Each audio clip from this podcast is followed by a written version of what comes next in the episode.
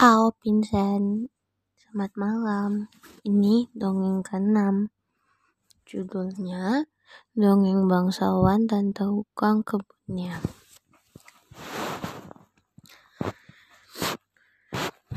Tuan Brandon adalah bangsawan yang sangat kaya. Dia mempunyai seorang tukang kebun yang rajin bernama Jack.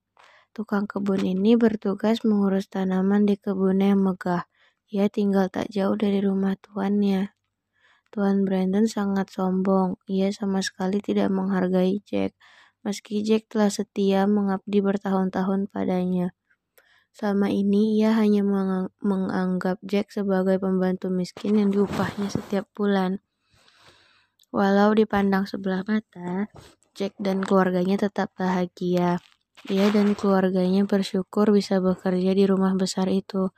Suatu malam, Tuan Brandon dan keluarganya mengadakan pesta. Jack dan istrinya menyiapkan banyak rangkaian bunga yang indah. Para tamu terpesona dengan rangkaian bunga itu.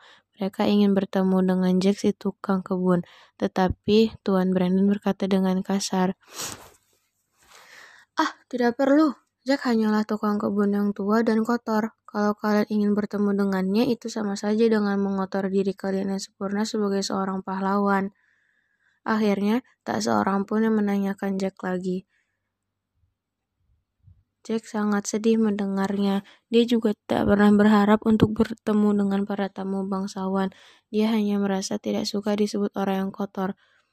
Begitulah setiap saat Tuan Brandon si bangsawan kaya itu selalu merendahkan tukang kebunnya. Walaupun begitu, kehadiran Jack selalu diharapkannya untuk mengurus halaman rumah yang sangat luas itu. Suatu malam yang sangat dingin dan gelap, angin bertiup dengan kencang. Tuan Brandon merasa tubuhnya tidak enak dan kedinginan, maka dia menyalakan perapian dan duduk di sana untuk menghangatkan badan. Tubuhnya pun terasa panas dan berkeringat. Tuan Brandon membuka salah satu jendela besar di ruangan itu. Angin mengalir masuk. Tuan Brandon terkantuk-kantuk di kursinya empuk. Karena angin bertiup mulai kencang, lidah-lidah api pada perapian mulai menari-nari.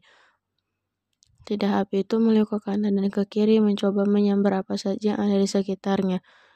Benar saja, tak lama kemudian lidah api itu menyambar sebuah buku. Buku itu mulai terbakar. Apinya juga menyambar barang-barang lainnya di dekatnya.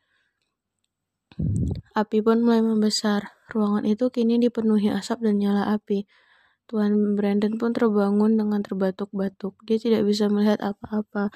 Matanya terasa perih dengan asap. Nafasnya sesak dan dia pun berteriak meminta tolong. Sebuah tangan keriput terlurul menariknya. Sosok itu membantunya keluar dari ruangan itu dan merebahkannya di rumputan halaman rumah.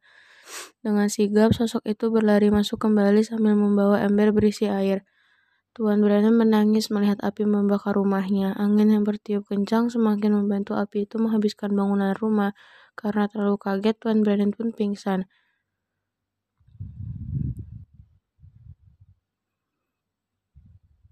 Keesokan paginya, Tuan Brandon terbangun. Dilihatnya rumah yang besar tinggal puing-puing saja. Dia sangat sedih. Hartanya habis, terbakar oleh api. Tiba-tiba sekumpulan orang mendatanginya. Salah satu dari mereka bertanya, berkata kepadanya, Tuan, mari ikut ke, pema ke pemakaman. Tuan harus mengantarkan orang yang sangat berjasa kepada Tuan menuju tempat peristirahatan terakhirnya.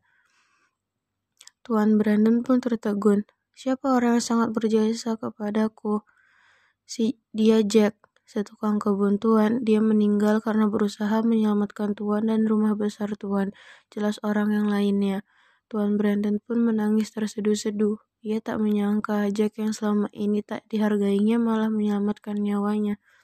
Tapi apalah arti penyesalan yang selalu datang pada akhirnya.